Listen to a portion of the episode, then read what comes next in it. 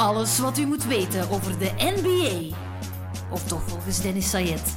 Welkom bij XNO's. Game!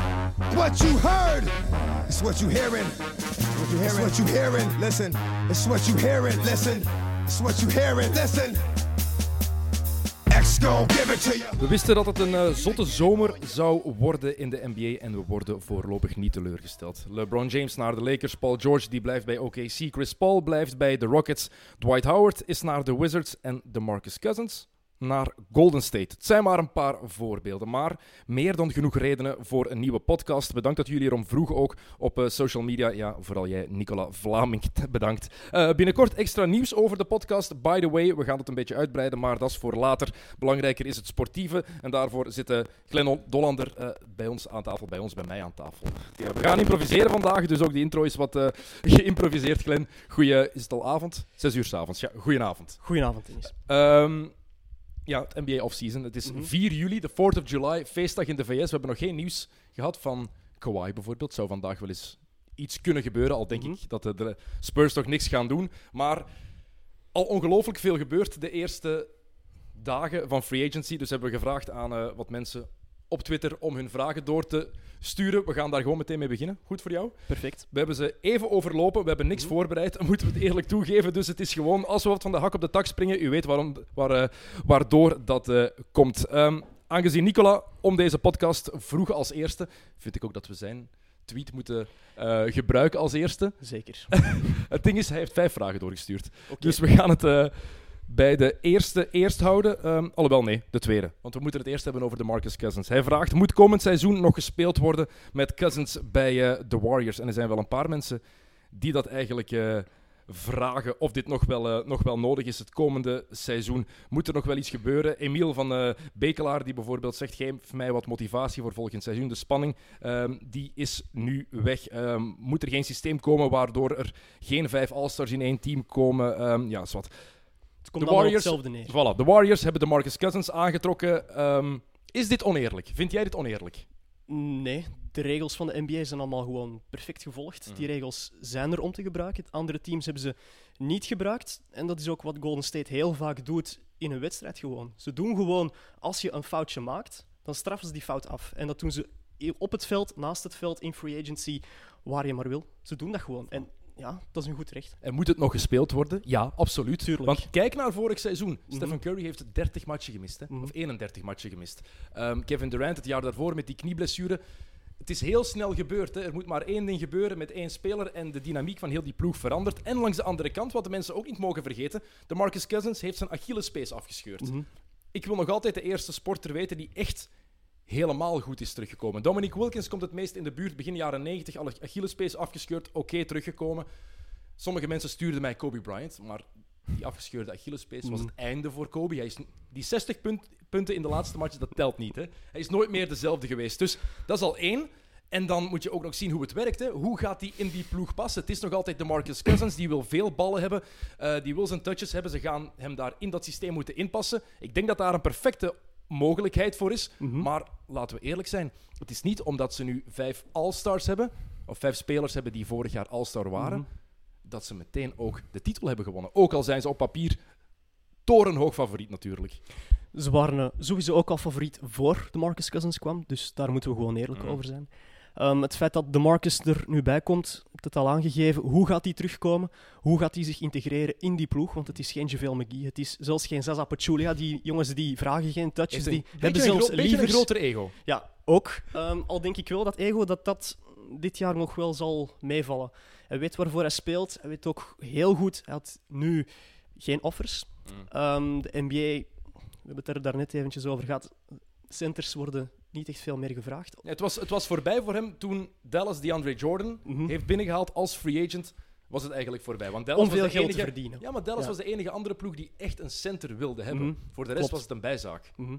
En het zijn dan nog twee totaal verschillende centers. Dus die wouden gewoon een center.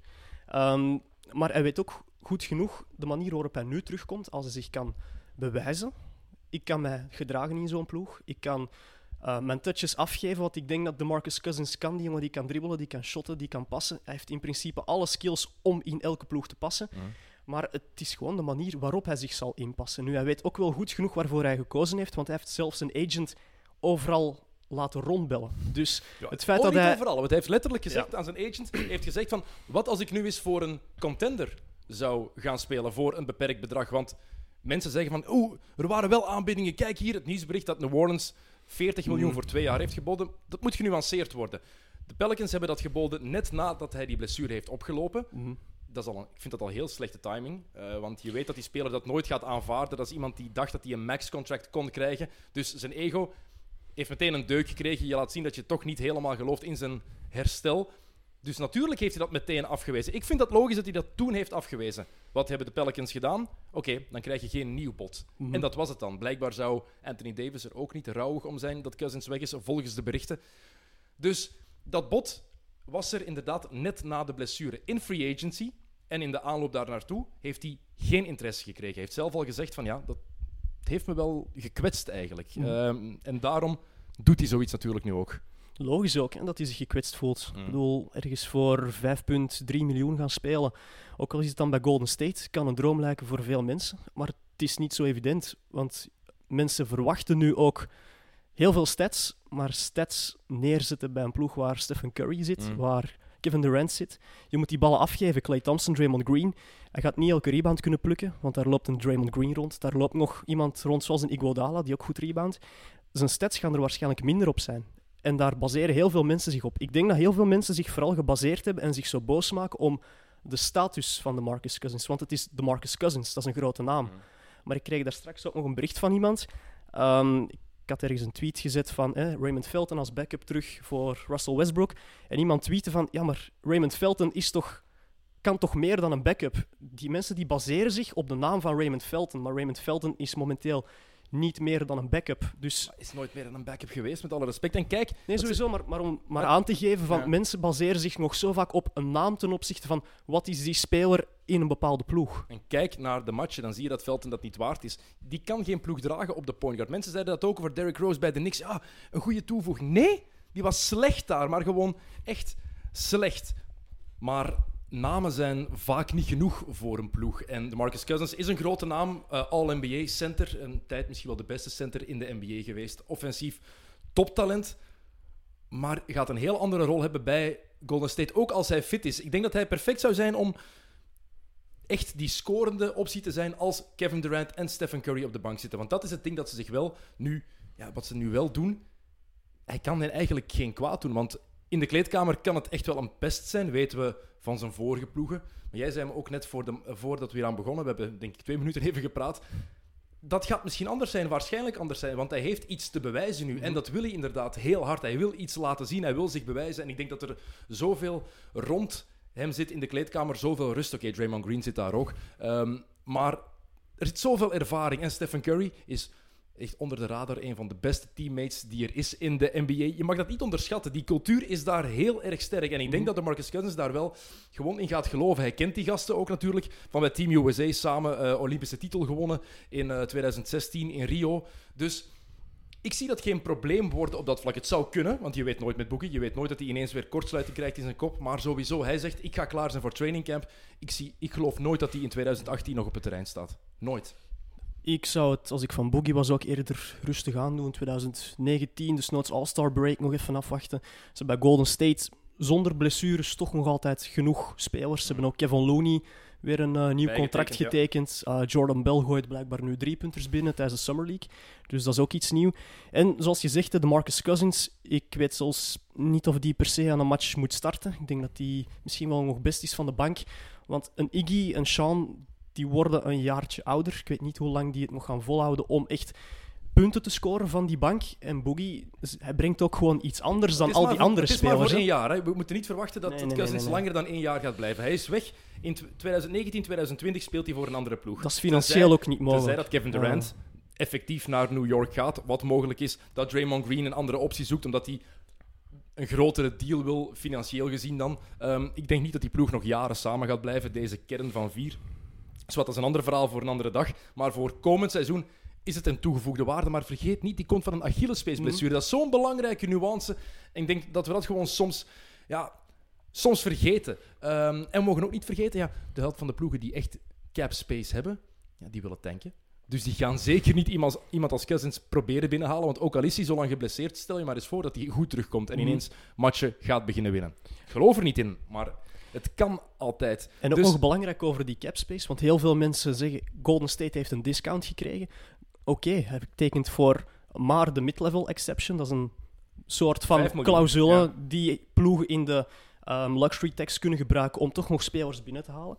Maar Golden State betaalde vorig jaar ook al luxury tax. Dus die zitten nu in de repeater tax. Wat betekent dat het loon van de Marcus Cousins geen 5,3 miljoen is, maar vier keer zoveel. Dus ze hen. die binnen Ja. voor 22, terwijl Boogie er maar 5 van krijgt. Maar alle topploegen betalen eh, de luxury tax. Het hoort er nu eenmaal bij. Ehm, dus dat is gewoon de gewoonte. Maar, het is Maar om niet- maar aan te geven aan de mensen, ze zeggen van Boogie kost maar 5 miljoen. Nee, Boogie kost er 22. Ja, tuurlijk, maar het is de enige optie die topploegen hebben. En het is Mhm. niet alleen zo bij Golden State trouwens. Het is bij andere ploegen ook die boven de salary cap zitten. Het is, het is geen uitzondering, want je ziet dan sommige mensen die dan zeggen, eh, bijvoorbeeld Red Philly 1880, die sturen het, ehm, hashtag leagueverraders. En als hij het dan heeft over de Warriors, kan ik het daar niet mee eens zijn, want dit zou elke ploeg gedaan hebben. Mm. Is het de fout van Golden State dat geen enkele andere ploeg een bod gedaan heeft op de Marcus Cousins? Nee. Kan je het oneerlijk vinden? Ja, absoluut. Ik snap dat je het er niet mee eens bent, maar op zich dit is perfect legaal en dit is ook niet degoutant van Golden State, vind ik. Als een speler zich aanbiedt aan jou en hij zegt: Ik wil voor dat bedrag komen, maar ja, ik heb die blessure nog. Waarom zou je dan in godsnaam nee zeggen? En waarom zou je het hem moeten kwalijk nemen? Als LeBron drie All-Stars bij zich had gekregen bij de Lakers, had iedereen het nu geweldig gevonden. Absoluut. Want iedereen is nu, Mhm. in tegenstelling tot acht jaar geleden, is iedereen nu pro-LeBron. Acht jaar geleden was, had iedereen hem quasi op de brandstapel gegooid. Nu is dat oké. Dat is hypocriet. Sorry, dat, dat is gewoon niet fair. En mij kan het niet schelen, want dat is het voordeel aan, ons, aan onze job. Je verliest je fandom. Mm. Ik was als kind fan van de Chicago Bulls. Dat is ook gemakkelijk, want die ploeg stelt toch al even niks meer voor. Maar om maar aan te duiden, je moet dat gewoon in, in de juiste proportie zien ook. En wat als Kawhi nu nog naar de Lakers gaat en Paul George bij de Lakers had getekend en zijn cousins hadden binnengehaald? Had iedereen dan ook zo geklaagd? Nee, ik denk dat iedereen had gezegd: Oh, kijk, ja, we hebben een uitdager voor Golden State. Dit Mm. gaat de ploeg van het Westen worden. Dus ik vind dat niet helemaal fair. Ehm, maar op het veld, ik denk dat Cousins de perfecte man is, bijvoorbeeld als Durant en Curry op de bank zitten. En stel je voor, je speelt in de playoffs tegen Houston. ehm, en je hebt iemand nodig die inside vijf minuten even oorlog kan maken. Ja, dan kan je Cousins die bal vijf keer op rij in de post geven. Want ze hebben buiten Capella niemand die hem het een beetje moeilijk kan maken. Ehm, dus dat is handig. En het verschil, ja, hij komt terug waarschijnlijk in januari. Het seizoen gaat voor een keer niet in april stoppen voor hem. Hè. Mhm. Hij gaat eens doorgaan. Dat is normaal toch de bedoeling. Sowieso. En ja, je noemt daar daarnet één ploeg, Golden State, ehm, zoekt een uitdager. Houston, het wordt wel moeilijk nu, denk ik. Die hebben een heel belangrijke pion ook verloren met Trevor Ariza. Moeten we het zo meteen misschien nog Ja. even over hebben. Ariza die eh, naar ehm, Phoenix. Phoenix Ja. trekt. Ja, opnieuw een goede, goede zet van de Suns. Mhm. Ploeg om naar uit te kijken trouwens. Ja. Misschien nog niet dit seizoen, maar zeker het seizoen daarna. League Pass team dit jaar. Mm, Dat wel. Ehm, maar ja, de Marcus Cousins. Ik, ik zeg het, ik ehm, denk dat mensen een beetje overreageren. Eerst zien wat daar wel degelijk van komt. Nu, ik snap wel dat wanneer Bob Myers telefoon krijgt en die ziet dat eh, Zaza Pachulia vertrokken is, die ziet dat JaVale McGee vertrokken is, en die krijgt plots eh, telefoon van eh, de agent van de Marcus Cousins.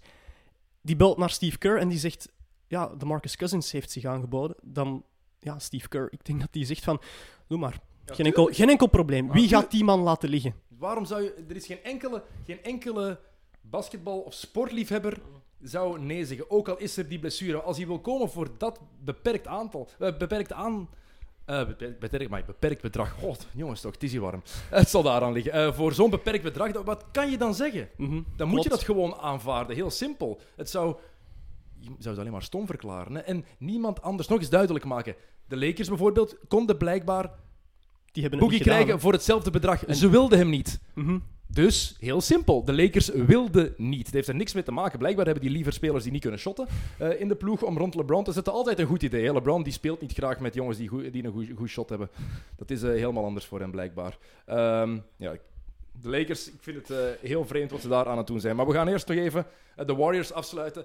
Is dit nu oneerlijk? Is dit de competitie verpesten voor jou? Wat veel mensen nu echt wel, wel zeggen. Van kijk, oh, de NBA, eh, het evenwicht is helemaal weg. Het is niet eerlijk.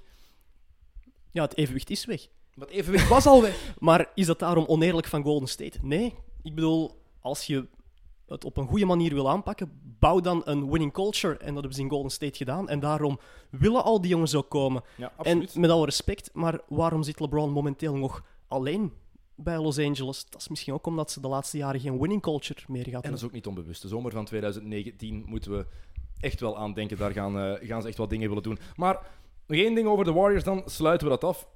Laten we één ding duidelijk maken. 2017, het eerste kampioenenjaar met Kevin Durant. Ja, dat was een superteam. De ploeg waar ze tegenover stonden, de Cleveland Cavaliers, met LeBron James op zijn top, met Kyrie Irving, die helemaal fit was, met een goede Kevin Love. Dat is een van de tien beste offensieve ploegen die er ooit zijn geweest. En dat wordt onderschat, ieder omdat het 4-1 was in de finals. Als ze Game 3 in de finals vorig jaar niet uit handen geven, Hmm. krijgen we daar een serie. Wordt het daar ongelooflijk spannend. Die Cleveland-ploeg, dat was ook een superteam. En mag je niet onderschatten. En dat wordt wel gedaan omdat het de Warriors al... Ja, 73 en 9 en kijk, Durant komt daarbij. Nee, dat is... Ik snap dat, het is inderdaad de verhaallijn, maar als je dat objectief en dieper bekijkt, is dat te kort door de bocht. Want het is meer dan Durant die gaat naar een ploeg van 73 en 9. Dat- Het is veel meer dan dat. En de Warriors haat... Nog eens, mij kan het niet schelen wie voor of tegen is. Dat is het voordeel van niet geïnvesteerd te zijn als fan. Hmm, maar klopt. Dat is niet, je, bekijkt dat niet objectief als je zegt van het is niet eerlijk toen, twee jaar geleden ook, vorig jaar zelfs, hoe de Warriors tegen de Cavs. Nee, Cleveland had ook een superteam toen. Ze hadden de beste speler in de NBA, de beste offensieve guard in de NBA met Kyrie Irving wa- waarschijnlijk. En dan ook nog Kevin Love die zijn ding kon doen. Het lag er meer aan dat het niet lukte toen gewoon. Ik denk dat we vooral één keer een, keer een heel lange podcast gaan moeten houden en alle regels van free agency uitleggen. Want ik denk dat daar heel veel mensen mee struggelen. Gewoon het feit, ze hadden al een goede ploeg en ze kunnen daar dan nog één man bij zetten met KD, een andere man met Boogie. Dat is iets wat mensen niet kunnen vatten, niet kunnen snappen. En ik denk dat daar vooral bij heel veel fans dan het probleem ligt. En- Cleveland had het probleem ehm, clutch sports. Tristan Thompson en J.R. Smith die veel te dure contracten kregen omdat LeBron daarvoor gelobbyd had. Mhm. Als hij dat niet gedaan had, hadden zij ook met andere dingen kunnen doen. En ook grotere namen kunnen aantrekken Mhm. om een Big Four te hebben daar. Hebben ze niet gedaan, kans die ze hebben laten liggen. Jammer. Het is toch zo? Ja, het is zo. Voilà. Kan je niks tegen inbrengen. Het is, eh, het is heel simpel. Ehm, wel even een vraag van eh, Nicola, die daarop volgt, vind ik. Eh, ja, wat kan Ant- Anthony Davis nu doen? Want Anthony Davis die blijft gewoon bij ehm, de Pelicans. Blijkbaar is hij blij dat Cousins weg is, tenminste voor de kleedkamer en zo. Maar nu is Rondo daar ook weg. Rondo naar de Lakers en wel iemand die belangrijk was voor de Pelicans vorig seizoen. Hoe gaan ze dat daar oplossen, vraag ik me af. Want Anthony Davis is wel iemand die ze gaan... Die ze moeten houden bij New Orleans of die ploeg is helemaal irrelevant. Het voordeel voor de Pelicans is dat ze Anthony Davis, was het volgend seizoen of het seizoen daarna, de Supermax kunnen aanbieden. Dat is iets wat geen enkel andere ploeg kan doen. Dat is een enorm voordeel, ook al zal Davis geen eh, boterham minder eten als hij ja, wat minder geld verdient. En eh, wat minder gaat al meteen over 70 miljoen, over een paar seizoenen verdeeld wel. Ehm, ja, de vervanger van Rondo, dat is natuurlijk niet de grootste topper, al wil ik hem nog het voordeel van de twijfel geven met eh, Alfred Payton, al was het maar omdat hij zijn haar heeft afgeschoren afgelopen zomer. En ja, een van de beste pick-ups van deze zomer is wel van de Pelicans, met Julius Randle. Ik ben absoluut een fan van Julius Randle. Ze hebben nu inside, nu inside, moeilijk te gebruiken tegenwoordig, maar onder de borden, die grote jongens, hebben ze een rotatie met drie jongens. Anthony Davis, Mirotic en Randle, die kunnen alle drie perfect samenspelen. Eh Randall brengt nog wat meer defense, want dat is een stevige kerel. Die staat eh, goed op zijn voeten, snel op zijn voeten. Die kan perfect samenspelen met Davis. Mirotic die past naast alle twee. Dus ik denk eerder dat eh, de Pelicans wel eens zouden kunnen verrassen komend seizoen. Twee seizoenen, 18 miljoen. Dat is waar eh, Randall voor getekend Het heeft. koopje. Iedereen had meer Het verwacht. is wel een 1 plus 1. Ja, tuurlijk. Maar Mhm. iedereen had wel gedacht dat hij meer geld zou willen, zelfs voor één jaar. Heeft hij eh, niet gedaan. Hele goede pick-up inderdaad. En blijkbaar Anthony Davis, die daar zelf voor gezorgd heeft, tenminste, heeft Mhm. zelf echt achter het gat gezeten eh, van Randall om die binnen te halen, om die in de ploeg te krijgen. Ehm, maar New Orleans, ja, het is de vraag. Het is de Wild Wild West. Hè. Het is, ehm, het is zo oneerlijk is niet juist, maar het evenwicht is er al langer niet meer. En dat, daarom Mhm. zijn er ook een paar mensen ehm, die het vragen. Nicola die vraagt hoe kan het onevenwicht oosten versus westen gecorrigeerd worden? Want nu is het echt een, eh, een grap. Eh, David van Moer die vraagt, vind je dat de NBA iets moet doen aan dat ja, onevenwicht tussen west en oost? Ik ben even aan het scrollen door eh, jullie tweets om te kijken wie daar nog een vraagje over gesteld heeft over het eh, evenwicht dat toch wel weg is. Maar het is wel echt iets dat ehm, Tom Verret bijvoorbeeld, die dat ook vroeg, moet het playoff systeem veranderen naar de beste 16 teams en niet 8 East tegen 8 uit het Westen. En ik denk dat dat het, het antwoord is eigenlijk. Dat is de enige oplossing die er is voor de NBA. Om gewoon de 16 beste records de playoffs te laten spelen. En ja, dan ga je misschien wel eens een finale krijgen. Oost tegen Oost of West. Nee, oké, dat is niet waar. West tegen West. Ja, en Zo een, zit het nu en eenmaal een conference elkaar. final, ai, een conference final, in dat geval halve finale waarschijnlijk ook. Hmm. Ehm, hoe los je het onevenwicht op? Ja, momenteel is daar gewoon geen oplossing voor. Sorry, je kan dat playoff systeem veranderen, maar dat lost het feit Oost, Oost tegen West dat probleem nog niet op. Ik vraag me bijvoorbeeld ook af, iets wat eh, we ook zien binnenkomen hebben bij de vragen, waar kan LeBron eindigen met deze ploeg? Als we het hebben over onevenwicht, het Westen is veel sterker. Er waren acht verdomd goede playoff teams vorig seizoen. Ehm, ja, zomaar playoffs of zomaar vierde worden of zomaar derde worden. Ik geloof het niet, hè. ook al is het LeBron James. Playoffs, het zou moeten kunnen, hè. daar niet van. Maar die gaat niet tweede worden met zijn ploeg. Hè. Tweede niet. Maar waarom zou die geen derde worden, bijvoorbeeld? Of vierde? Er zijn heel veel teams. Utah gaat nog beter zijn. Ehm, de Pelicans heb ik daarnet al genoemd als een Ik geloof verrassing. nooit dat de Pelicans beter zijn dan een ploeg met LeBron James. Ook het enige nadeel is, ja, wat hebben ze gedaan, de Lakers? Dat moeten we misschien ook even, eh, even aanhalen wat ze daarbij gedaan hebben. Want blijkbaar is het een, eh, een nieuw idee van Rob Pelinka en van Magic Johnson om LeBron te omringen met mannen die niet kunnen shotten. Ik vind dat waanzinnig. Ik vind het echt zo raar dat ze dit gedaan hebben. Maar het is nog altijd niet gedaan. Inderdaad, ze kunnen Kawhi Leonard nog altijd binnenhalen. Want er zijn een vraag van, ja, waarom hebben de Lakers Kawhi niet binnengehaald? Kawhi zit nog bij de Spurs en Mhm. Buford en Popovic gaan Kawhi niet zomaar wegdoen. Blijkbaar hebben ze vandaag gezegd, ze willen Kuzma, ze willen Ingram, ze willen Josh Hart en ze willen twee eerste ronde draft picks en de optie om twee picks te swappen. Om dus gewoon te zeggen van, kijk, jullie hebben een slechtere pick dan, een betere pick dan wij, Mhm. dus we wisselen die dat jaar. Maar het schijnt ook de sleutel voor Staples Center. Maar is wel terecht. Ja, het is tuurlijk. Kawhi Leonard. Het enige nadeel is, Mhm. als je de Lakers bent, hoe goed is, die, hoe goed is hij nog? Wat, is er met die blessure aan de hand? Hoe fit is hij? Want je hebt geen referentiepunt, Mhm. niks. En nu heb je twee problemen. De Lakers die, net zoals de Warriors, niet weten hoe goed is de Marcus Cousins. Nee, hoe goed is Kawhi Leonard. En langs de andere kant, ja, je hebt net LeBron James binnengehaald. Wat verwacht je nu? Dat San Antonio Spurs gaan zeggen, zeg luister, hier is Kawhi Leonard, gratis en voor niks. Bouw rustig een superteam, want het interesseert In ons onze niks meer. Want het interesseert Ja. ons toch niks meer. Kan je toch ook niet verwachten? Die niet. mannen die gaan natuurlijk doorvragen. En ik betwijfel ten zeerste een Josh Hart, ik vind dat een fantastische speler. Een Kuzma vind ik ook een goede speler. Ingram vind ik ook een goede speler. Maar ik betwijfel ten zeerste als er nog andere teams zouden meedoen. En Kawhi zegt toch van... Ja, luister, eh, Philly zegt mij misschien nog wel iets. Boston zegt mij nog wel iets om bij te tekenen.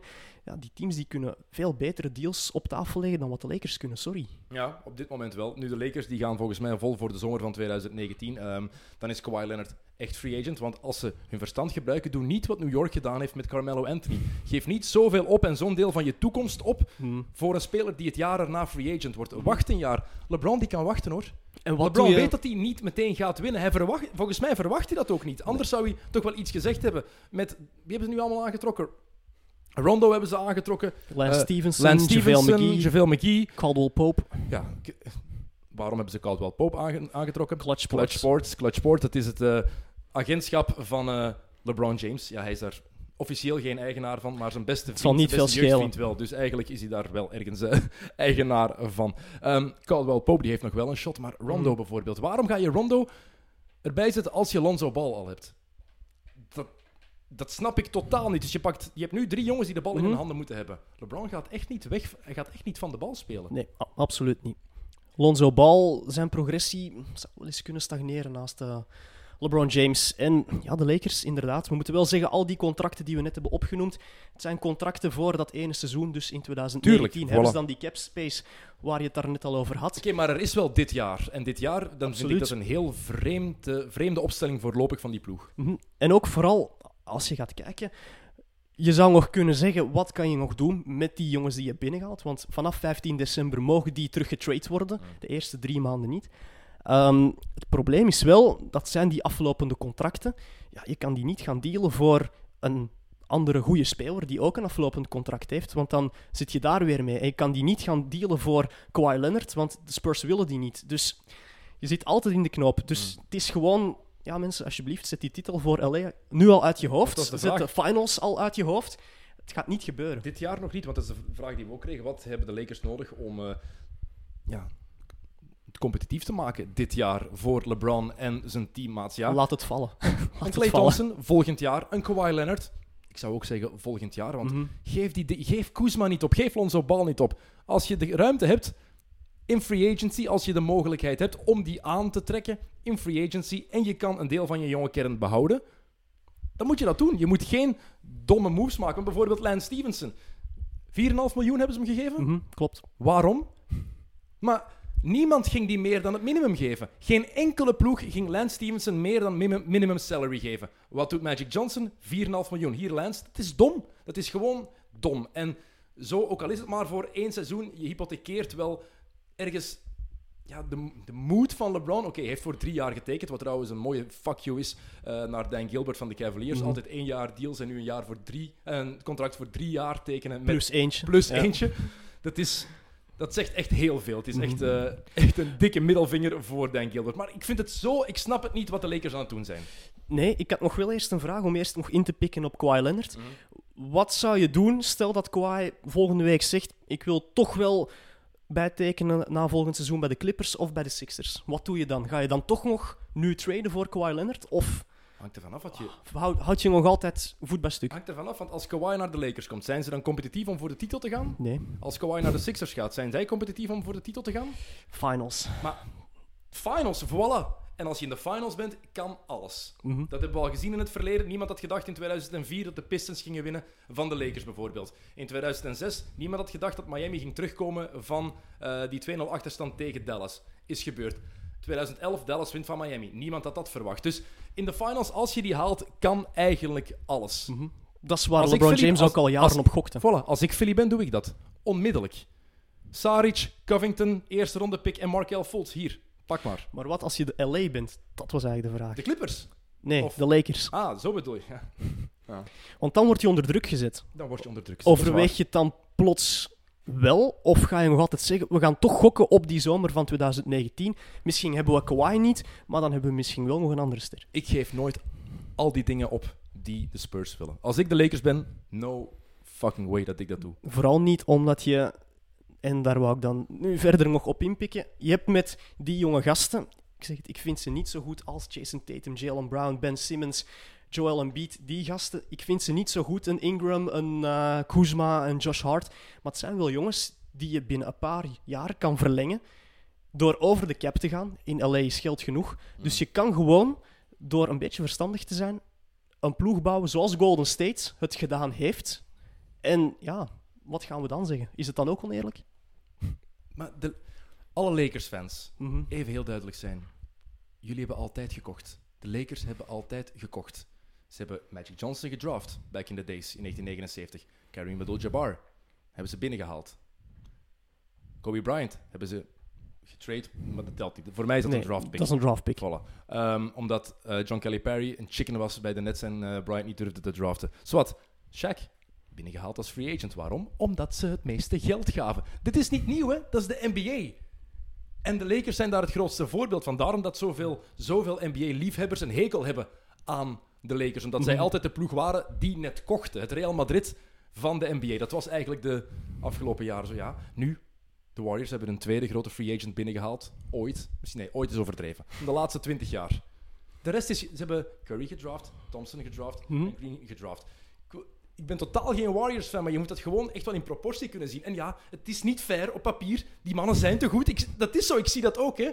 Maar het is de NBA. Niks is voorspelbaar. En ja, oké, we hebben vier jaar op rij dezelfde finale gehad. We wisten dat dat ging gebeuren. Of we dachten dat...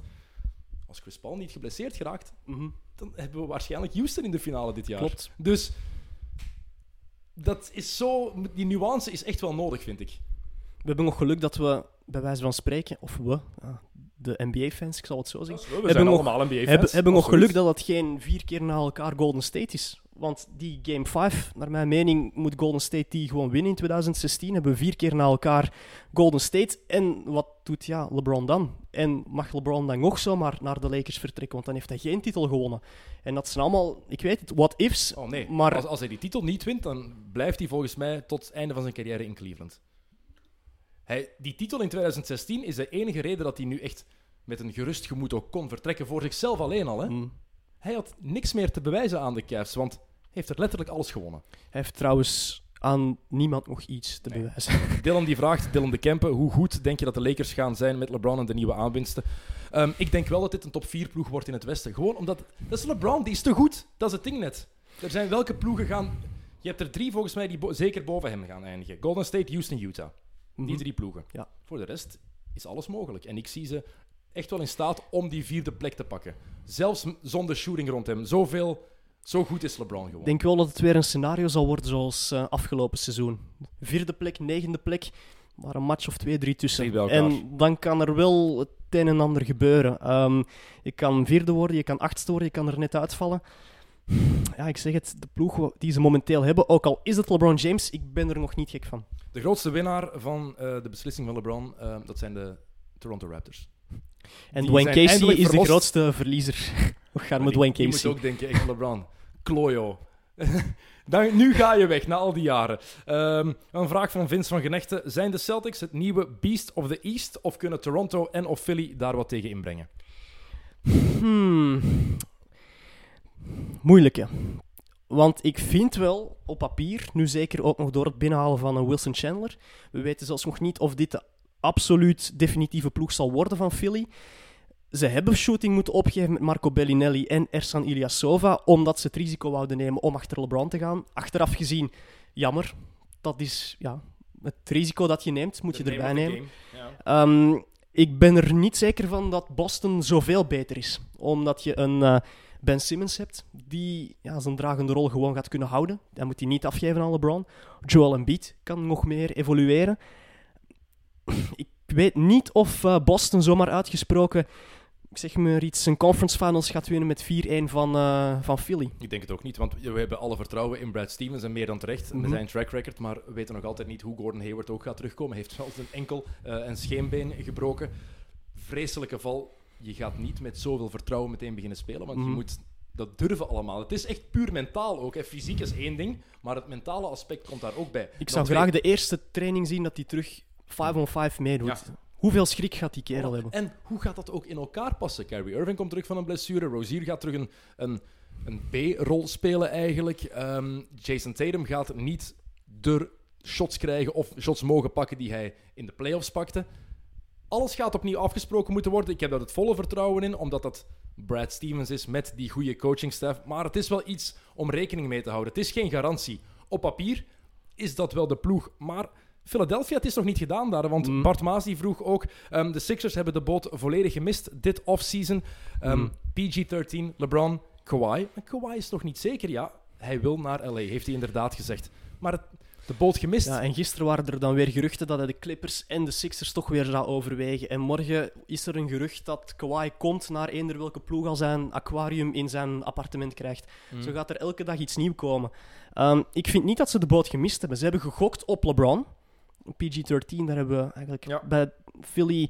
Die naam hebben we vaak gehoord, maar wanneer het er echt toe deed, eigenlijk totaal niet meer. Ook omdat hij natuurlijk eerste minuut van free agency meteen een eh, feestje kreeg en daar zei dat hij toch ging blijven. Ehm, maar Philly, ik vind niet dat ze de boot gemist hebben. Ik vind het jammer dat ze die twee shotters kwijt zijn. Maar ze moesten niks doen, hè, Philly. Ze zaten gewoon in het trust the process. En ze moesten niks doen, net zoals Boston niks moest doen. Ze moeten gewoon gezond blijven. Ze moeten, ja, Dat is, het- dat is het belangrijkste. Gewoon Embiid en en, Simmons moeten gezond progressie, blijven. en proberen progressie te blijven maken zoals ze dat afgelopen seizoen gedaan hebben. Want of je er nu voor of tegen bent, Rookie of the Year, Ben Simmons, is het een eerstejaars, is het een tweedejaars? De regels zeggen rookie, dus Rookie of the Year, punt. Ehm, als je kijkt naar de evolutie van Ben Simmons vanaf het begin van het seizoen tot de laatste match die hij gespeeld heeft, ondanks ja, zijn zwakke prestatie Mm. dan wel tegen Boston, dat is wel een heel andere kerel nog. Je ziet dezelfde mechanismen, maar het is wel twee, drie klassen hoger. Tuurlijk. En ze kunnen nog altijd Kawhi Leonard binnenhalen. Bijvoorbeeld. En Arne Ruts die vraagt, wordt Kawhi Leonard weer de oude na zijn mysterieuze blessure? Dat is iets wat ik me ook echt afvraag. Ik heb er ergens een slecht gevoel bij. Ik weet niet waarom. Als je keek hoe hij die negen matchen gespeeld heeft, je zag dat hij niet 100% zichzelf was. Nu, nog altijd beter dan 85% van de andere NBA-spelers. Dus dat wel. En dus een meerwaarde, want dat is wat ze bij Philadelphia nodig hebben. 3D. En de ultieme 3D guy. En then some. Mhm. Dat is Kawhi Leonard. Heel simpel. Ehm, en Paul George het was een andere optie, want die heeft ervoor beslist, besloten om in Oklahoma City te blijven. Heel vreemd. Ik vind dat een heel vreemde keuze van George. En dan eh, hoorde je hem zelf zeggen, eh, wat zei je in de, de pers? Ehm, I wanted to come to LA a year ago. The Lakers didn't grab me. Hmm. En dus dan heeft het gokje van Sam Presti, de GM van OKC, toch nut gehad. Absoluut. Absoluut. En daarom, afhankelijk van wat je moet opgeven voor Kawhi Sixers zijn, ik overweeg die gok nog altijd.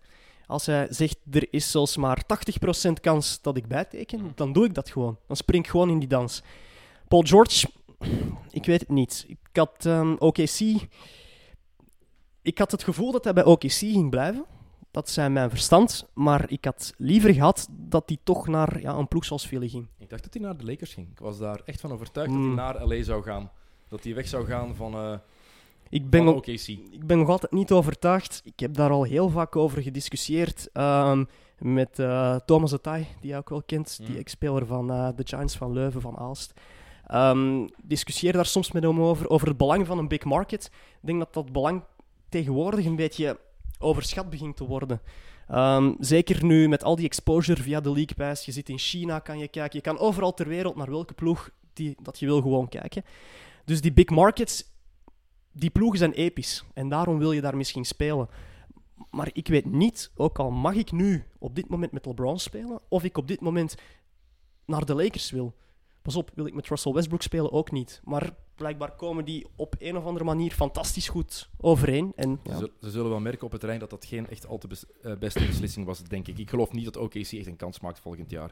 Ze hebben ook ehm, opnieuw Raymond Felton aangetrokken. Je zei dat eerder Mhm. al. Ehm, nu is het de eerste ploeg met meer dan 300 miljoen dollar ehm, aan salaris. En dus serieus over de tax. Nu moeten ze 150 miljoen Mhm, belasting klopt. betalen op. Dat is ongelooflijk veel geld. Ehm, bijvoorbeeld Russell Westbrook, die verdient komend seizoen 35,6 miljoen, dan 38 en dan 40,6. Carmelo Anthony verdient een kleine 28 miljoen. Er komt het contract van Paul George daar nog bij. Waarom vind ik dit belangrijk om even te zeggen? James fucking Harden. Ja, ik word daar echt nog altijd kwaad van. Het is belachelijk, maar Glenn, ik word daar echt het. kwaad van. Dus in 2012 kunnen ze niet voor één jaar over die salary cap gaan. Eén jaar, dan hebben ze Kevin Durant, Russell Westbrook en James Harden. Een trio dat net naar de finals is gegaan. En nog de goede Serge Ibaka. Je doet dat niet. Je hebt, wat een fantastische ploeg was dat. Ik hield echt van dat Oklahoma City. Ik vond dat zo'n leuke ploeg om te zien. En nu kunnen ze dat voor Raymond Felton. Raymond Felton. Die zorgt ervoor dat ze dat wel doen. Ik, ik, vind, ik, ik, snap, ik snap dat echt niet. Echt totaal niet. Ja, je kan. ehm, enerzijds eh, hebben ze al gezegd van we willen dat risico niet nog eens lopen van een Paul George gewoon te laten wandelen. Dat snap ik. Oké, Paul Ehm, George, snap ik ook. Mhm. Felton. Erbij. Ja, je kan Felton ook voor minder aantrekken hoor. Hij heeft Niet, nu ook al. niet de minimum, heeft niet de minimum getekend. Ik dacht dat hij voor een minimum had getekend. Ik dacht dat ik gelezen had dat hij voor een minimum had getekend. Dubbel checken. Doet me nu wel twijfelen, maar ik dacht dat het een minimum was. Ehm, ook blijf- voor dat ene seizoen. Ehm, Blijf het een... maar Felton is niet het grootste probleem. Kyle Singler, dat is bijvoorbeeld een probleem. Wat, wat zit die daar in godsnaam te Ja, doen? het is zo. Ik heb vandaag gelezen, als ze Kyle Singler stretchen, dan eh, wordt het ineens 20 miljoen minder. Ja, die ligt morgen buiten. Allee, punt. Eh, Carmelo Anthony, dan moeten ze plots 100 miljoen minder betalen. Dat zou ik niet doen. Ik zou Carmelo Anthony niet eh, stretchen. Stretchen voor de mensen thuis, dat betekent dat je de duur van het contract maal 2 plus 1 kan doen. Dus in het geval van Carmelo Anthony nog één jaar contract. Dat wordt dan maal 2. 2 plus eentje, dat is er dan 3. Dan ben je van Carmelo Anthony vanaf. Maar je ziet wel dit seizoen, het seizoen daarna en het seizoen daarna elke keer nog met 9 miljoen op je salary. Dan ja, liever nog één jaar. Blijkbaar zijn ze het er dan toch mee eens. Suck it up en hou hem nog even. Maar dan ben je er daarna wel gewoon vanaf. Dus dat zou ik niet doen. Maar Kyle Singler die vliegt morgen. Ah, niet vergeten, Steven Adams verdient ook 24, 25 en 27 miljoen de Ja. komende drie seizoenen. De gouden zomer van 2016. En Andre Robertson 10 en 10,7. Die trouwens wel Rachel Dimita gescoord heeft. Ik heb het gezien. Sterk. Is echt... An- Andre Robertson, echt... hij mag van nu al zijn drie punten in de rest van zijn carrière missen. Hij heeft die, die ene heeft hij binnengegooid. Er was een fantastische post op Instagram, ik weet niet meer van wie. En er stond: Ik dacht dat Ben Simmons. ehm, want Ben Simmons, met wie was die nu weer samen? Ehm, nu met eh, Kendall Jenner nu, hè? Ja, heeft ja. de Kendall Jenner afgepakt van Blake Griffin. Ja, ik dacht dat ehm, Ben Simmons en Andre Robertson niet konden shooten. Ja. En dan die foto van Andre Robertson en van Ben Simmons met hun nieuwe Ben vriendin. Simmons heeft, Fantastisch. eh, Ben- ehm, Robertson heeft wel gewonnen. Voor mij dan, heel duidelijk. Het is Ja. ook de eerste NBA-speler, de enige NBA-speler met een minder goed shot dan zijn vriendin. Ja, ik heb, uh, de, video, ik heb de video's gezien. Het is net zoals JaVale McGee de enige NBA-speler is die een slechtere speler is dan zijn moeder was. Effectief. Moeder uh, McGee was, uh, was ongelooflijk... Uh, Tien niet ooit 70 punten in een match gescoord? Mogelijk, mogelijk. Ge geen, kan ik niet bevestigen, maar het is, het is goed mogelijk. Um, we waren over het oosten bezig en dan komt daar de typische vraag. David van Moer die geeft ons dat. Um, kunnen de Knicks, de New York Knicks, gezien de verhouding in het oosten, binnen dit en drie jaar meestrijden voor de conference? Ik denk dat het belangrijk is om te zeggen, de New York Knicks die je nu ziet, gaan er binnen drie jaar... Dit, gaat, dit is niet de ploeg van binnen drie jaar. Totaal niet. En één naam die je echt moet onthouden, Kevin Durant. Kevin Durant gaat niet lang bij Golden State blijven. Je hoort het van alle kanten. Um, Jalen Rose is daar heel hard op aan het hameren en zijn informatie klopt bijna altijd. Hij is niet de enige. Durant die ook weer een contract getekend heeft voor twee jaar, maar wel één met een speleroptie. Dus na komend seizoen kan hij zelf beslissen of hij blijft. Heeft het er al over gehad, subtieler met zijn agent en met zijn ja, confidence, vertrouweling bij Bill Simmons ook ik zie hem echt naar New York gaan op termijn. Misschien niet, volgend het seizoen, misschien niet na volgend seizoen, maar daarna misschien. Waarom niet? Durant wil ook meer dan basketten alleen. Hij heeft zelfs gezegd, binnen vijf jaar stoppen. Mhm. Het is wel eens mogelijk. Mhm. Het enige wat um, die 1 plus 1 deel van KD wel met zich meebracht, was één. Dat hij dit jaar weer voor minder kon gaan spelen. Dat Golden State daardoor misschien wel kans maakt op een Boogie Cousins. Um, en dat hij volgende zomer, als hij bij Golden State blijft, dat zijn bird rights geactiveerd worden en dan kan hij in plaats van een contract voor drie seizoenen en een bepaald bedrag, kan hij wel het absolute maximum en vier seizoenen tekenen. Gaat hij dat dan doen? Ja, blijkbaar dan niet, als we de geruchten uit de States mogen geloven. Nog een man die daar uh, ook wel in genoemd mag en misschien wel moet worden, dat is Kyrie Irving. Die zou ook heel graag naar daar trekken. Blijkbaar, ik geloof dat niet. Ik vind dat moeilijk te geloven. Waarom zou hij weg willen uit zo'n situatie als in Boston? Een coach die zo in hem gelooft. Hij is de man in een stad die sport ademt. Mm -hmm. Heeft een geweldig team rond zich. Waarom zou hij weg willen? Maar ik zie, ik zie het nut daar niet van in, eerlijk gezegd. Ik vraag me nog altijd af uh, op wie de uitspraak van LeBron was uh, gericht. In, in de persconferentie vlak voor match nummer 3, denk ik. Waar LeBron zegt: Er zijn spelers in de NBA die willen basketten goed kunnen basketten, geld willen verdienen, maar die niet per se met de druk willen omgaan om een ring te winnen. Is dat dan gericht op een Kyrie Irving? Was dat gericht op Paul George? Was dat gericht op... Ik weet niet. Ik geloof nooit dat dat op Kyrie Irving gericht is, want Irving heeft hem mee een ring gewonnen. Letterlijk. Dat shot van Kyrie Irving, het blok van LeBron was fenomenaal. Dat was waanzinnig. Een van de coolste momenten uit de geschiedenis van de NBA. Het shot van Irving daarna was even indrukwekkend, hè? In de face van Stephen Curry's stepback. Mhm. Hij heeft die titel echt wel meegewonnen. 41 punten in game 5, net zoals LeBron game 7 had hier... Wat is het? Opnieuw de- dik 30, denk ik. Mhm. Ehm, mm, ik, ik, ik zou het heel straf vinden als dat over Kyrie Irving ging. Ehm, maar ik zou het ook heel raar vinden dat... Waarom, waarom zou hij in godsnaam naar de Knicks gaan, weg van de Celtics? Heeft, heeft weinig nut voor mij. We moeten wel zeggen, om dan op de vraag van, ik denk dat David was, Ja. ehm, terug te komen, kunnen de Knicks dat binnen drie seizoenen? Je zegt het zelf, deze Knicks niet. Als ze het een beetje slim aanpakken, hebben ze in die zomer van 2019 met KD als free agent, met Kyrie Irving, met Kawhi Leonard, Kemba Walker, die trouwens van de Bronx komt. Ehm, met, wie was het nog? Met eh Clay Thompson, al moeten we Kevin die Love nu niet meteen vernoemen, Clay Thompson met de Knicks. Met dan eh, een Kevin Love. En ik vergeet er sowieso nog een paar, Jimmy Butler. Ehm, die zijn allemaal free agent. En de Knicks kunnen, als ze het goed aanpakken, wel twee max deals uitdelen in die zomer van 2019. Dus kunnen ze het momenteel? Nee. Kunnen ze het misschien volgende zomer? Waarom niet? Waarom niet? Eh, heel wat vragen waar jullie al eh, overlopen. Een paar dingen die we nog moeten, nog moeten aanhalen. Ehm, de Houston Rockets, Chris Paul die daarbij tekent, wel Trevor Ariza kwijt. Blijft dit de grote uitdager voor Golden State in de Western Conference of in de NBA gewoon? Ik denk vooral in het Westen, want ik, ik onderschat Boston echt niet volgend jaar. Ik denk dat Boston een geweldig jaar gaat spelen. Ook al weten we dat niet. Brad Stevens. Heel simpel, Brad Stevens. Ik vind Houston een moeilijke zaak. Ehm laat ons stellen dat ze iedereen terugbrengen, behalve Trevor Ariza. Ariza was wel een heel belangrijke pion. Defensief, offensief en vooral. ehm, Houston speelde altijd maar met acht man. Dus dat worden er nu zeven. Tenzij en nu, nu ga je zeker lachen, want het is een goede vriend van jou, denk ik. eh, Michael Carter Williams, eh, fantastisch goed gaat spelen. Echt, Eh. Waarom ga je die aantrekken? De sorry, het. de Rockets shotten drie punters. Wat doen ze? Michael Carter Williams, de slechtste rookie of the year uit de geschiedenis van de NBA. Slechtste shot er ook. Oh, echt. Maar dus, Ja. Drie punt contest tussen Robertson en Michael Carter Williams. Daar zou ik geld voor betalen. ik denk dat Echt waar. Robertson wint. Zeker vanuit de Ik hoek. denk dat wij winnen. Echt. ah, oh, vreselijk. Ja, oké, goed, zwart. Ehm, ja, Houston. Maar- ik vind het heel vreemd. Maar Nee, de daar- kern is daar nog wel. Natuurlijk, Ariza. Ariza heeft er wel mee voor gezorgd. Hoeveel driepunters heeft hij gemist in eh, de conference finals? 520, bij wijze van spreken. Mhm. Heeft hij geen bal binnengegooid. Dus was daar ook wel een absolute min in die serie. In Maar Houston serie. stond wel in de conference finals mede dankzij Trevor Ariza. Dus Ja, als, ze daar, ja. als ze daar niet staan, dan kunnen ze ook niet Golden State gaan uitdagen. Dus dat is een mes dat langs twee kanten snijdt. Ik denk gewoon dat ze Trevor Ariza niet gaan kunnen vervangen. Tenzij ze pakweg ehm, een minimum deal kunnen uitdelen aan... Of een eh, exception nog ergens kunnen uitdelen aan... mm, Laten we zeggen Marcus eh, George Hunt van de Timberwolves. Fantastische speler, 3D, underrated tot en met. Marcus Smart.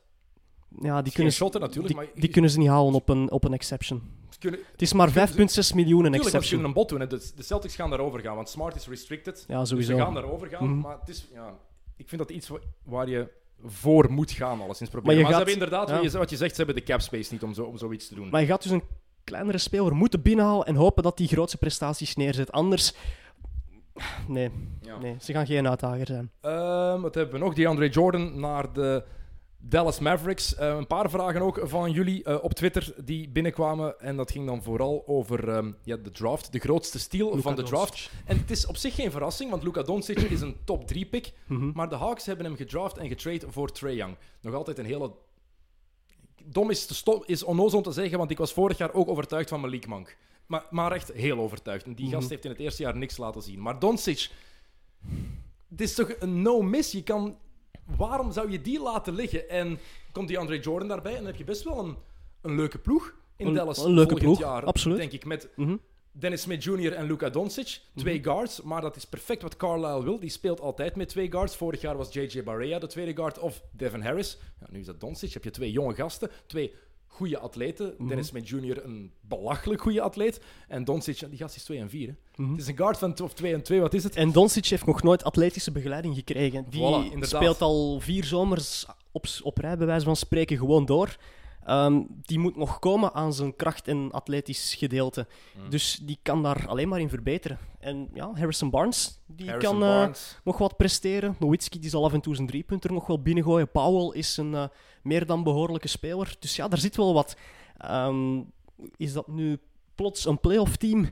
Ja, we hebben het al gezegd. Hè. De balans is er niet in de NBA, Oost versus West. Mm. Als je die ploeg in het oosten zet, dan is dat een top 3 ploeg. Oké, ehm, even ehm, update. Mark Stein heeft getweet. eh, informatie over de Lakers en de Marcus Cousins. League sources say they remain... Dus blijven de Marcus Cousins fans, fans maar ehm, ze hadden het gevoel dat ze hem nu niet konden aantrekken. Ook niet aan een verminderd bedrag, omdat de Lakers niet de luxe hebben, niet eh, de bagage hebben ehm, om te wachten tot januari of februari voor hij terugkomt. Eén, dat is de grootste onzin die ik de laatste week gehoord heb. Want waarom trek je dan Rondo aan? Waarom trek je de spelers aan die je nu hebt aangetrokken? Waarom JaVale McGee? Dat, dat gaat de ploeg niet beter maken. Als je Cousins wil... Tuurlijk kan je daar wel op wachten, want je gaat, niet, je gaat de titel niet winnen volgend jaar met de ploeg die je nu hebt. En ook gewoon, waarom kan je niet wachten tot januari? Je speelt nu ook zonder Cousins. Tuurlijk. Je speelt ofwel zonder Cousins omdat je hem niet onder contract hebt, ofwel speel je zonder Cousins omdat hij geblesseerd is. Je, je mag zeggen van, oké, ik wil hem toch niet. We, we willen hem gewoon niet, want dit is een, dit is een onnozele... Dit is een onnozele uitleg. We willen hem gewoon niet, kunnen ze natuurlijk ook niet zeggen, want dan tekent hij misschien nooit meer bij LA. En dat risico willen ze ook niet lopen. Feit, feit, maar pff, ja, ik, ik vind het vreemd. Ik vind het een hele, hele, hele rare uitleg, eh, eerlijk gezegd. We gaan hier eh, stilaan beginnen afsluiten, want het is hier echt... We zitten ehm, boven in mijn huis en het is hier echt om te bakken. Ehm, even kijken. Tyreek Evans die is naar de Indiana Pacers voor, eh, ze- voor eh, 12 miljoen, één jaar getekend. Pacers opletten, gevaarlijke ploeg.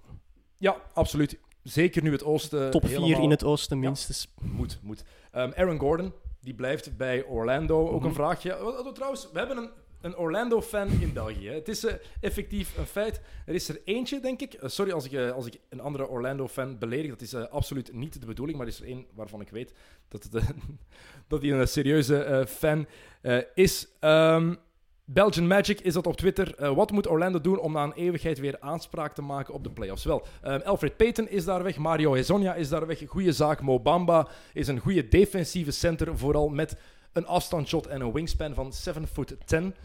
Ehm, dat is al belachelijk. Wat, wat een freak of nature. Maar nu blijkbaar, rumors, zegt eh, onze Magic-fan, rumors van Kemba Walker voor Vucevic. Klinkt als muziek in de oren voor hem. Voor mij niet, eerlijk gezegd. Ik zou Kemba Walker niet bij die ploeg willen.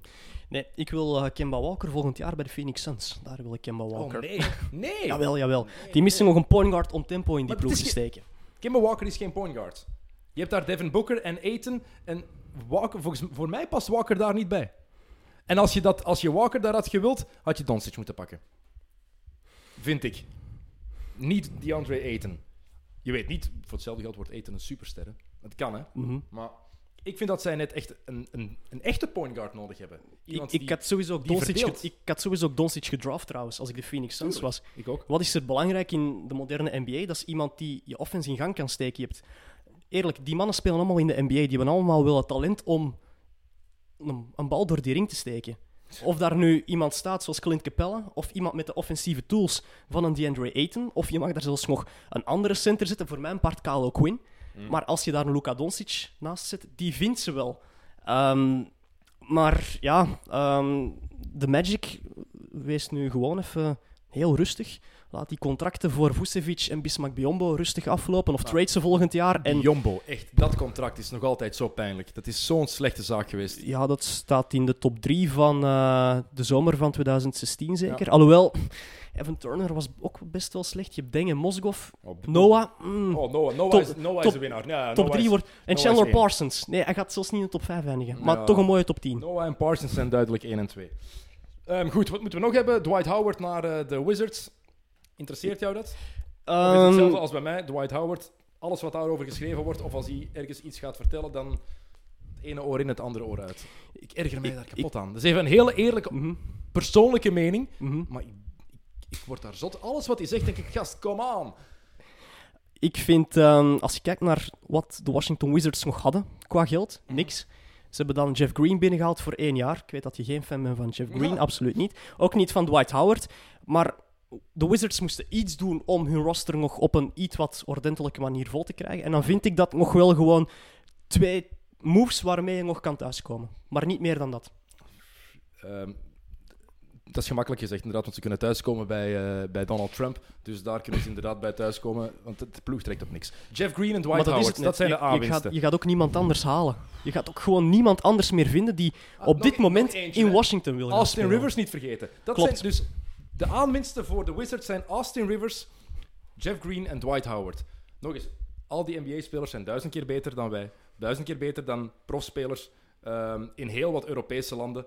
Maar we, we vergelijken het puur met wat je kan doen, wat er beschikbaar is in de NBA. En dan kijk ik naar die Wizards-ploeg en pff, ze moeten ook al een andere coach aanstellen. Want Scott Brooks, die ook weer bewezen heeft dat hij echt niet de coach was die Mhm. ja, die we dachten dat hij was in Mhm. het begin bij OKC. Ehm, maar nee, de Wizards, ik, ik, ik voel het niet. Ik voel het echt niet. Het is weer maar voor één jaar. Hè. Dus we moeten over die twee eh, moves vooral niet, eh, ja, niet te diep op ingaan. Die zijn gebeurd en voor mij ook niet meer dan dat. Want het laatste inderdaad, je zegt het zelf, ehm, het is maar voor één jaar. ehm, en dat is dan ergens een vraag die veel mensen ook wat stellen. Is de, wordt, is de NBA niet verpest? Ja, De spelers in, hebben... gewoon- Want het in ding is, 2016, door die belachelijke contracten, is de NBA nu vier jaar verpest. Over, omdat spelers zoveel macht hebben. Want ze kiezen zelf waar ze naartoe gaan. Hè. Ze kiezen zelf. De Marcus Cousins heeft nu zelf gekozen om naar Golden State te gaan. Kevin Durant heeft zelf zijn keuze gemaakt. Het is meer en meer. En eigenlijk daar is LeBron mee begonnen. LeBron is de eerste die echt heeft gezegd van nee, ik ga mijn carrière zelf bepalen. En iedereen haatte dat toen van hem. Het was meer dan terecht dat hij dat deed. Dat hij zei, ik wil naar Miami. Dat is zo goed recht. Mhm. Wat, hebben de, wat hebben de Cavaliers voor hem gedaan de laatste vier jaar in zijn eerste periode? Van 2006 tot 2010 hebben ze hem omringd met, Drew Gooden. met niks. Met, niks ja, met Bobby Gibson. Mhm. En, Mo- en dan eh, Delonte West, die eh, meer interesse had in Gloria. Zwat. spelers die nemen nu hun eigen keuzes en je kan daar kritiek op hebben, je kan er kwaad om worden. Als jij de kans krijgt om een betere job te gaan doen of jezelf de job te doen bij een hoger aangeschreven bedrijf, Mhm. een beter bedrijf, zelfs voor minder geld, maar waarvan je weet als ik daar naartoe ga, krijg ik later een andere kans op meer geld bijvoorbeeld. Wie zou nee zeggen? Waarom mogen sporters niet doen wat gewone mensen wel mogen? Mhm, klopt. Daar hebben we het, ik denk, net toen de KD-move Mhm. gebeurd was in 2016, dan zaten we ook samen. En Ja. dan hebben we net hetzelfde gezegd. Waarom mogen die mensen dat niet en wij wel? Ja, voilà. Dus ik vind dat ergens meer dan terecht dat die spelers die, die, die macht nu wat meer in eigen Mhm. hand hebben. Het enige jammer is dat je, ja, dat je dat de ploegen meer en meer uit elkaar vallen, dat er meer en meer beweging is. Maar waarom zouden ze niet zelf echt mogen bepalen hoe hun toekomst eruit ziet? Als een speler, kijk naar Isaiah Thomas. Die gast is in het zak gezet door de Celtics en Danny Ainge. Maar dan wordt gezegd, ja, it's a business. Maar als een speler iets beslist, dan is het verrader en hypocriet. Nee, nee. Voor mij niet. Nee, voor mij ook niet. En dan ja, ga je altijd die discussie krijgen en dan ja, denken wij daar dan anders over, omdat wij daar anders tegenover staan. Wij zijn ook geen fans of geen fans meer, of toch in mindere mate. Wij zijn fans van de NBA, Van de sport. maar voilà. niet van de ploeg. Nee. Ehm, dus ik denk dat wij er ook helemaal anders tegenover staan. Ehm, ja, ik vind het jammer dat mensen zo denken. Ja, voilà. Goed. Eh, maar laten we, laten we eerlijk zijn. Op papier, op dit moment, is Golden State wel los kampioen, hoor. even, even helemaal eh, alles onderuit halen wat we gezegd hebben. Ehm, ik had het ook zonder de Marcus Cousins gezegd, maar het Ja, is sowieso. de team te beat. En elk, elk decennium, elke periode heeft zo een ploeg om te kloppen. Ja, nu is dat Golden State. En dat gaat het komende seizoen nog lang... Dat gaat het komende, het komende seizoen zo blijven. Totdat er misschien drie sleutelspelers geblesseerd uitvallen. En zelfs dan nog. Ja, en tot de Boston Celtics op hun top zitten. Oké, laatste ding. ehm Kawhi Leonard, waar eindigt hij? Ehm, zit hij in juni nog in San Antonio en is hij free agent? Of is hij voor februari weg? Hmm. Hmm. De enige die daar eigenlijk iets over te zeggen heeft, is Kawhi Leonard zelf. Als die zegt, ik stel mij open voor meer ploegen, dan gaan er aanbiedingen komen. En dan gaan de Lakers zich ook terug onder druk gevoeld gezet worden. Als dat niet gebeurt, dan weet ik zelfs niet of Kawhi Leonard... Ja, ik denk dat hij dan gewoon in juni nog altijd bij, bij de Spurs gaat zitten. En dan is hij free agent. Mhm. We gaan het, eh, we gaan het allemaal zien. Heel, heel benieuwd. Goed, Glenn, bedankt dat je even tot hier eh, bent gekomen. Ik bedank u voor het luisteren, dames en heren. En heel belangrijk, niet te vergeten, vrijdagavond Rode Duivels. Brazilië moet kapot. Heel simpel. Gon' give it to ya. He gon' give it to ya. X gon' give it to ya. He gon' give it to ya.